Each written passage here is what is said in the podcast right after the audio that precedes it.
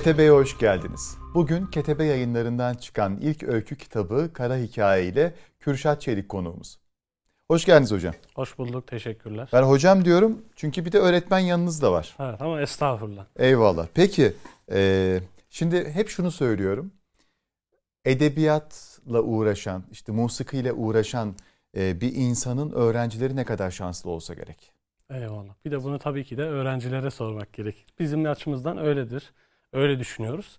Ama bir de öğrencilere e, kulak vermek gerekir her zaman. Gerekir. İnşallah şanslılardır. Şanslı olduklarını biliyorlardır. İnşallah. Şu an fark etmeseler de e, ümit ederim. Yani bundan bir 10-20 yıl sonra ya bir hocamız vardı. Efendim kulakları çınlasın. Allah selamet versin. İşte Kürşat Hoca. Evet. Unutulmaz da isimler malum. Evet. Kendisinin işte e, vesilesiyle yazmaya başladım ya da musikiye başladım gibi. Bizde özellikle bu sohbet programlarında katılımcı konukların çok sayıda hikayesi vardır hocalarıyla Evet. ilgili. İnşallah siz de o hocalardan biri olursunuz. İnşallah tabii bu diye cümleleri e, hak edecek e, durumda oluruz inşallah. İnşallah. Bahsettiğiniz Peki. Ee, kara kitap, kara hikaye, efendim ee, hikaye, kara hikaye ve kapak da kara. Evet. Ee, çok sade Hı hı. bir cilt. Dikkat çekici bir şey bu. Şimdi çok fazla çünkü böyle kitapçılarda, raflarda böyle rengarenk kitaplar görmeye Evet. alıştık. Benim hoşuma gitti tasarımı. Teşekkür ediyorum. Hikayeler hakkındaysa gerçekten e, ben program öncesinde söyledim fikirlerimi. Hı hı. Çok sevdiğim bölümler oldu. E, dikkat çekici e, benim için etkileyici bölümler oldu. Annemin ellerine ve babamın dizlerine diye başlıyor kitap. Şimdi e, öncelikli olarak sizin yazmaya dair hikayenizi öğrenelim. Sonra bu girişle ilgili Hı hı. başlayalım ve kitap hakkında konuşalım. Evet, eyvallah. Yani benim e, yazmaya başlama e, olayım şöyle oldu. E, yanılmıyorsam 2016 veya 2015 e, Dergah dergisinde Mustafa Kutlu'nun bir e, ayrılık veda yazısı oldu. E, görevi başkasına teslim etmek üzere. E, ben açıkçası ilk hikayemi e, o gece yani bir veya bir buçuk saatleriydi gece. O esnada oturup o üzüntüyle ve o sıkıntıyla yani gerçekten e, bir yakınımı kaybetmiş e, gibi bir acıyla oturup e, yanılmıyorsam bir buçuk saat gibi bir sürede yazdım. E, hiçbir şey bilmiyorum adında. Bir hikayeydi. Peki burada bir parantez. Eserlerinin dışında herhangi bir tanışıklığınız, bir ilişkiniz var mı? Yok hayır. Daha sonrasında e, irtibat kurmaya çalıştım. E, bir kere de tabii ki de oturup konuşmak kısmet oldu. Bütün yazarlara e, böyle okuyucular Rabbim nasip etsin o zaman. Eyvallah estağfurullah. Hüzünlendiniz, yazmaya başladınız. Evet. İlk hikayem öyle oluştu. Ee, ben tabii o şeyle, o fikir ve düşünceyle de e, Dergah dergisine yolladım hikayeyi. E, kendimden eminim. E, dönüş de aldım. Yayınlanıp yayınlanmamasına dair olmasa da e, benimle ilgili kısa bir bilgi içeren bir e, sorular sordular. Cevapladım. E, tabii ben bir sonraki ay e, derginin peşine düştüm. Hikayem çıkacak mı, çıkmayacak mı? Çünkü çıkacak veya çıkmayacak gibi herhangi bir bilgi verilmedi bana. Ee, bir sonraki ay çıkmadı. İkinci ayda e, hikayem, o gece yazmış olduğum hikayem Dergah dergisinde yer almış oldu. Öylelikle başladım. Hı. Ee, tabii o hikayenin şöyle bir durumu var. Ee, Hiçbir şey bilmiyorum adlı hikaye. Kitabın da ilk hikayesidir zaten. Hı hı. Ee, yaklaşık iki sene kadar kafamda döndü. Ee, yani ben onu açıkçası kafamda zaten bir takım cümlelerle, e, bir takım bölümlerle e, gerek değiştirerek gerek değiştirmeden iki sene boyunca kafamda döndürdüm. Ama daha öncesinde yazıya dair ciddi manada herhangi bir çalışmam olmamıştı. E, bir metin denemem olmamıştı.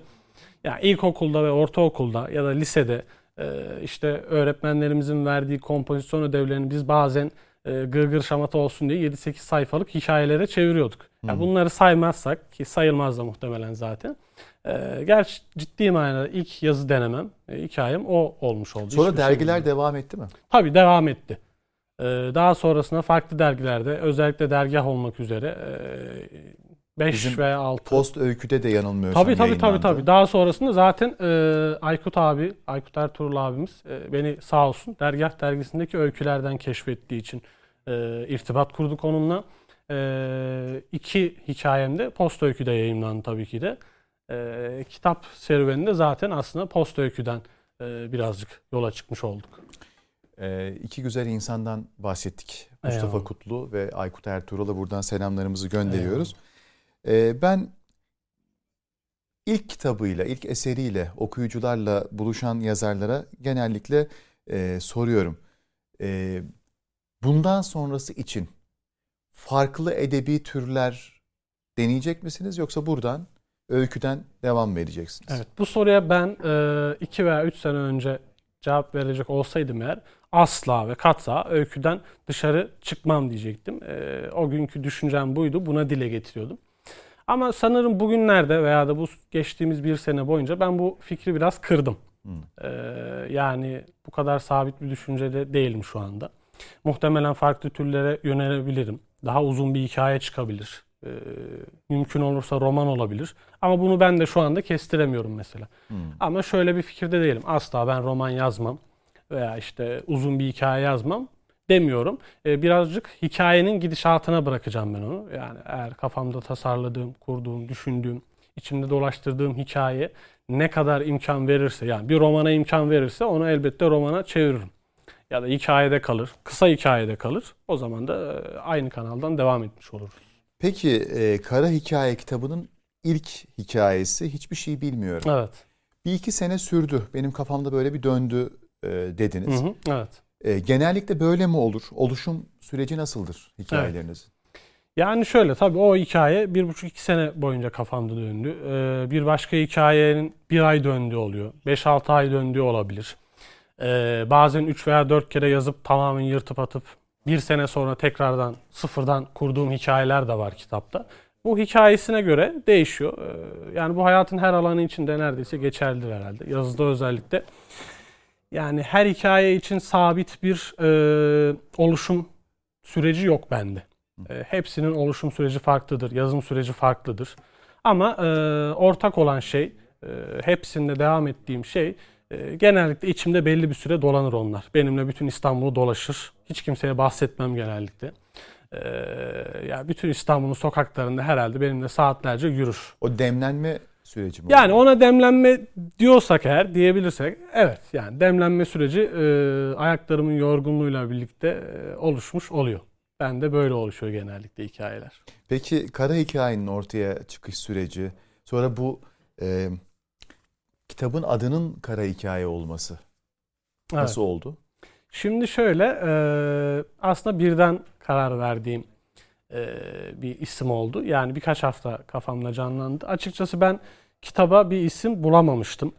Ee, daha öncesinde yani birkaç sene öncesinde eğer bir gün bir kitabım olursa onun isminin e, hiçbir şey bilmiyorum. Yani ilk hikayem e, ben de anısı olduğu için olmasını istiyordum ama daha sonrasında bu isimden vazgeçtim. E, Aykut abiye dosyayı da sunduğumda e, isimsiz olarak sunmuştum. Hmm. E, o da daha sonrasında aradı ve Kürşat dedi ki yani tamam eyvallah bunu aldık kabul ettik. E, buna bir isim lazım ne koyacağız diye. Yani orada tabii ben de Aykut abi içimden aslında kara hikaye geçiyor. Ee, ama ilk önce Aykut abiye sormak istedim. Yani abi senin kafanda bir şey var mı? Herhangi bir şey düşündün mü? Ne olabilir gibisinden. Birkaç isim üzerinde konuştuk. Ee, en sonunda ben dedim ki Aykut abi benim aklımdan kara hikaye diye bir isim geçiyor. Ee, yani kitabın temasına da e, uyduğunu düşünüyorum. E, 12 hikaye var. 12 hikayenin de ortak paydası biraz karanlık hmm. e, ve hüzün dolu olmaları. E, Aykut abi de evet dedi. Yani e, diğer konuştuğumuz isimlere göre daha iyi dedi ve kitabın ismi böyle çıkmış oldu. E, yani birazcık tabii şöyle de bir şey olabilir. E, ben bunun esprisini de yaptım. Yani Orhan Pamuk'un kara kitabı ama tabii ki de Orhan Pamuk'ta herhangi bir yazarlık aşamasında herhangi bir ortak payda da buluşmamız mümkün değil. Yani onun isminin, kitap ismini Kara Kitap'tan da biraz yola çıkarak Kara Hikaye demiş olduk. Eyvallah. Ee, Şimdi tanıdığımız bildiğimiz isimler var. Evet. E, kitap içerisinde. Mesela Hı-hı. bir İsmet Özel evet. var. E, Kamu var. E, bir de bilmediklerimiz var. Evet. Bondun Ondu Hı-hı. var mesela. En Çabuk Ateş gibi bilmediğimiz evet. isimler var. E, bunların hikayesi de var mı? Eyvallah. Onların hikayesi de var tabii ki de. Ee, zaten hikayeler okunduğu zaman görülecektir. E, alıntı yaptığım cümlelerin hikaye içinde e, büyük bir oranda payı vardır. E, yani bu ismi belli olanlar İsmet Özel, Kamu. E, bunlar tamamen hikayeli ilişkileri olduğu için. Yani ben biraz aslında hikayelerimi toplarım. Hmm. Yani birçok kişi yapıyordur muhtemelen bunları. Bazıları bana e, neredeyse bütünlüklü bir halde gelmiş olur. E, ben tabii ki de kendi süzgecimden geçirdikten sonra yazıyı aktarmış olurum. E, aslında o İsmet Özel ve Kamu e, bana geldi. Yani topladığım kaynaktan e, oluşturulmuş bir şekilde yani e, muhabbet esnasında o epigraf olarak aldığımız cümleleri e, kullanıldığı için ve hikayenin gidişatına, hikayenin içine de çok uyduğu için e, hikayelere dahil etmiş olduk. Bilmediğimiz isimler e, onlar da yine de aynı şekilde topladığım hikayelerden ikisidir. E, tabii ki de orada e, kimlikleri ifşa etmemek adına hmm. e, kendilerinin de rızasını alarak e, kendim e, bir takım isimler kullandım. O zaman şey yani bunlar gerçek hikayeler. E tabi yani birçoğu e, benim daha sonradan bir takım kurgularla meydana getirdiğim e, ama %80'i belki de en azından o bahsettiğimiz birkaç hikaye için e, gerçek hikayelerdir. Eyvallah. Ee, bizim sohbetin başında söylediğim işte o annenizin ellerine ve babanızın dizlerine. Eyvallah. Ee, ne ifade eder tam olarak? Şöyle e, tabii ki de hepimiz için şöyle bir durum vardır. E, hiçbir zaman onların hakkını e, ödeyemeyiz. Bu kültürümüzde de inandığımız dinde de bu böyledir her zaman. E, ben buraya çıkıp gelirken bile annem arkamdan yani belki binlerce dua etmiştir. Gömleğim için, pantolonum için, her şeyim için ayrı ayrı. Nedir adı? Annemize? Seray. Seray. Seray anneye buradan bizden selamlar olsun. Eyvallah. Tabii baba da alınmasın. E, nedir amcamızın adı? Necip. Necip amcamıza da buradan e, selamlar gönderiyoruz efendim. Bakın ne iyi ettiniz. Böyle bir evladınız oldu işte biz de program yapıyoruz. Eyvallah. Ya bu arada e, ilk kitabını çıkarmış dostlarla program yaparken ben çok mutlu oluyorum. Eyvallah teşekkür Çünkü her şeyin ilki kolay kolay unutulmaz. Evet. Bu program muhtemelen ilk programımız. Tabii tabii Doğru tabii. Mu? Evet bu da güzel. Eyvallah. E, unutmayacaksınız. İnşallah. E, benim elimde ilk e, eser var hı hı. size ait. Ben de bunu unutmayacağım. Eyvallah. İmzaladığınız ayrıca e, kıymetlendi. Teşekkür, teşekkür ediyorum. Eyvallah. Derken evet hı hı. onlar çok kıymetli ve duayı da aldık gelirken. Evet yani e, annem e, duaya çok önem veren bir insan ve ben de onun ettiği dualara gerçekten büyük oranda inanırım. E, ve çok yüksek derecede duaya sığınır annem. Yani 60 seneden fazladır yaşadığı hayatın tamamını neredeyse e, duayla yaşamıştır. Ve ben ona çok inanırım ciddi manada. Annemin yaşayışına ve dualarına çok Maşallah. inanırım. Dolayısıyla e, hem bir hürmet hem bir teşekkür e, açısından bir yazmış oldum. Babamın dizleri ise şöyle bir anlamı var. Tabii ki de asla onun hakkını ödeyemem. Bu yaşa kadar bizleri getirdiler. E, orada ise babam e, çatı ustasıdır. E, tabii ki de çatıda çalışırken ekseriyetle dizlerinin üstünde çalışır. Haliyle de birçok akşam e, dizleri yara şeklinde eve gelirdi. E, tabii küçüklüğünden gelen bir romatizma hastalığı da olduğu için sürekli bacaklarında falan bir ağrı olurdu. Bu el ve dizlerin hikayesi aslında böyle benim için. Ya hakikaten bu bir hikaye. Eyvallah. Ha. Ee, güzel. Teşekkür ederim. İnancımız deyince e, beni en çok etkileyen ne diyelim müjde cennet ayakları altındadır evet, annelerin. Evet, evet. Yani cennet ki hepimizin hani gitmeyi hedeflediğimiz, işte bu dünya dediğimiz imtihandan başarılı olup geçip ulaşmak istediğimiz hedeftir. Evet. Ve anaların ayaklarının altında. Evet. Yani böyle bir dinin efendim mensubu olmaktan son derece mutluyuz. Şükürler olsun. Evet, şükürler olsun. E bütün analara da buradan selam olsun. Eyvallah. Efendim anne olmak isteyenlere, e, gönül dostlarına, herkese derken efendim Bundan sonra neler var? Yani şu an masada mesela hazırladığınız, bizimle Hı-hı. buluşacak bir şeyler var mı? Bir de dergilerde devam edecek mi yayınlanmaya? Mesela. Yani dergilerde devam etmesini isterim tabii ki de. Ee, birinci sorunuz olarak masada bir şey var mı derken ben e, henüz masaya bir şey koymadım. Hala onlar kafamın içinde dönüyor. Ee, birkaç ufak düşünce var. Ee, daha bunlar dallanıp budaklanmadı tabii. Ee, inşallah kısa sürede masanın üstüne koyabilirim ve üzerlerine çalışırım. Ee, tabii onların üzerinde çalışırsam hem dergilere devam etmiş olurum hem de nasip olursa ve devam ettirebilirsem e, ikinci bir kitap için e, bir çalışma oluşturmuş olurum. Şimdilik e, kafamda dönüp duran birkaç tane e, fikir var. Hı. Hikaye olmayı e, bekleyen. Muhtemelen onlar e, belli bir zaman sonra oluşacak ve hikayesini kuracağım inşallah. O zaman da masaya dahil etmiş olacağım. İnşallah. Tabii şeyi unuttum. Ee, Valide Hanım ve Peder Bey'in e, yazdıklarınız ve bu kitap üzerine düşünceleri nedir? Eyvallah. Yani o da aslında çok güzeldir benim için. Ee, annemin okuma yazması yoktur. Ee, ve işte 4-5 senelik dergi serüvenimde e, yazın çıktı mı? Yazın çıktı mı? İşte anne benim yazım çıktı dediğimde getir oğlum bir bakayım der. E, sayfayı aç bakalım der. Sayfayı açarım. E, ismime dokunur ve Aa, işte benim oğlumun ismi burada yazıyor der. E, babam da e, birazcık heceleyerek okur. E, kitap eve ilk geldiği günde ben tabii evde değildim o sırada. Yani akşama doğru. E, babam kitabı okumuş. E, balkonda fotoğrafını çekmiş. E, böyle sandalyenin üstüne koyarak. Ben sonra eve geldiğimde dedi ki ben kitabı okudum. Çok güzel dedi ondan sonra. Hepsini neredeyse okudum dedi. Çok beğendim ben dedi. Fotoğrafını bile çektim dedi. Ee, sağ olsun ikisi de ve bütün ailem e, gerçekten yazdıklarıma, kitabıma e, büyük oranda değer vermişlerdir her zaman. Çok güzel. Eyvallah. Peki bu çok mutluluk verici e, süreci böyle sıcağı sıcağına yaşamış bir insan olarak bizi seyreden genç dostlarımız vardır. Hı hı. E, yazıp çizen. Evet. Belki nihayetinde şöyle bir kitaba sahip olmak isteyen. Elbette. Ne tavsiye ederiz? Yani öncelikle estağfurullah çok tavsiye verecek bir konumda olduğumu düşünmüyorum.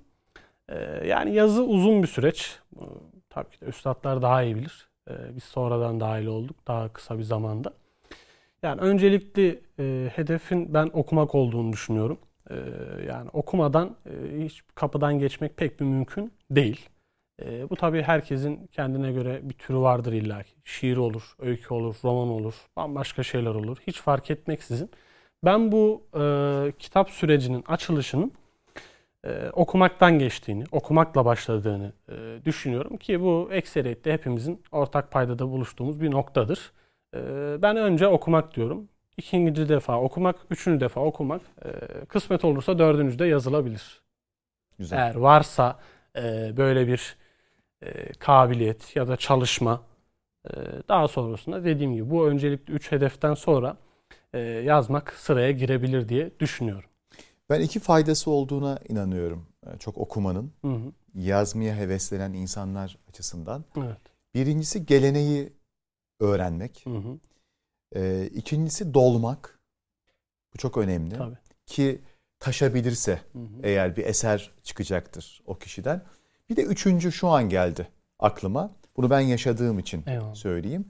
Ee, şiir okumayı çok seven bir genç olarak şiir yazmayı da e, ne, diyelim e, istedim Hı hı. ve bunun için çabaladım. Sonra geleneği öğrenince Hı hı. ya haddini bil e, yazma dedim kendi kendime. Eyvallah. E, çünkü gerçekten çok güzel şeyler yazılmış çizilmiş. Hı hı. Tabii herkes benim gibi yapmasın o ayrı. Fakat Evet. Belki üçüncü böyle bir faydası olabilir. Yani başarısız bir şair olacağıma Hı hı. belki daha başarılı bir şeyler e, yapmaya gayret ettim. Evet. Ne kadar başarılı olduğumuz tartışmalı tabii. Tamam. Nihayetinde hepimizin e, kendimizi başta bir hizaya çekmemiz Hı hı. icap ediyor. İşte bu okuma sürecinin de böyle bir faydası oluyor yazacak arkadaşlar için. Tabii. Hani yazacaksan böyle yazacaksın gibi. Evet. E, ve ben bu taşmaya da sanatta çok inanıyorum. Tabii tabii tabii. Hiç unutmuyorum bir yönetmen e, dostumuz kendi hikayesini şöyle anlattı. Bir yönetmenin yanına asistan olarak girmiş. Yaklaşık 10 film çekmişler. Diyor ki o kadar doldum ki ya kendi filmimi çekecektim. Yani taşma noktasına gelmiş. Evet. Ya da ben sinemayı bırakacaktım. Sonra ilk filmimi çektim diyor. Çok da başarılı bir yönetmen dostumuz. Yani tam bunu söylemeye çalışıyorum Evet. kendi dolmadan bir şey yapmaya gayret etmek işte o zaman biraz yani Tabii, sizin tabii. de aklınıza gelen örnekler vardır böyle. Peki şimdi bizim geleneksel bir son sorumuz var Hı hı. ve üç aynı zamanda soruyu içinde barındırıyor Eyvallah. bu tek soru. Ee, bizi seyreden arkadaşlarımıza, seyircilerimize okumalık, dinlemelik ve seyretmelik ne tavsiye edersiniz? Eyvallah. Yani okumalık e, benim fix bir cümlem vardır her zaman. E, Orhan Pamuk Masumiyet Müzesi'dir benim için. İlk aklıma gelen eser e, hemen hemen her zaman bu olmuştur. E, tavsiye niyetimde budur benim için. Ha, tabii e, ölmeden mutlaka okumalısınız gibi cümlelere, ifadelere girmek istemiyorum. Ama mutlaka e, okunmalı okunması gerektiğini düşünüyorum. E, film olarak Reha Erdem'in e, Kaç Para Kaç adlı 99 veya 2000 yıllarına ait bir filmi var. Hı hı. E, çok beğenirim. Yalın ve sade bir filmdir. E, adından da anlaşılacağı üzere e, yani kısa bir olay aslında ama para üzerinden mükemmel bir değerlendirme, mükemmel bir değişimden bahsedilmiştir. E, belki son zamanlarda izlediğim e, en etkileyici filmlerden biri olmuştur.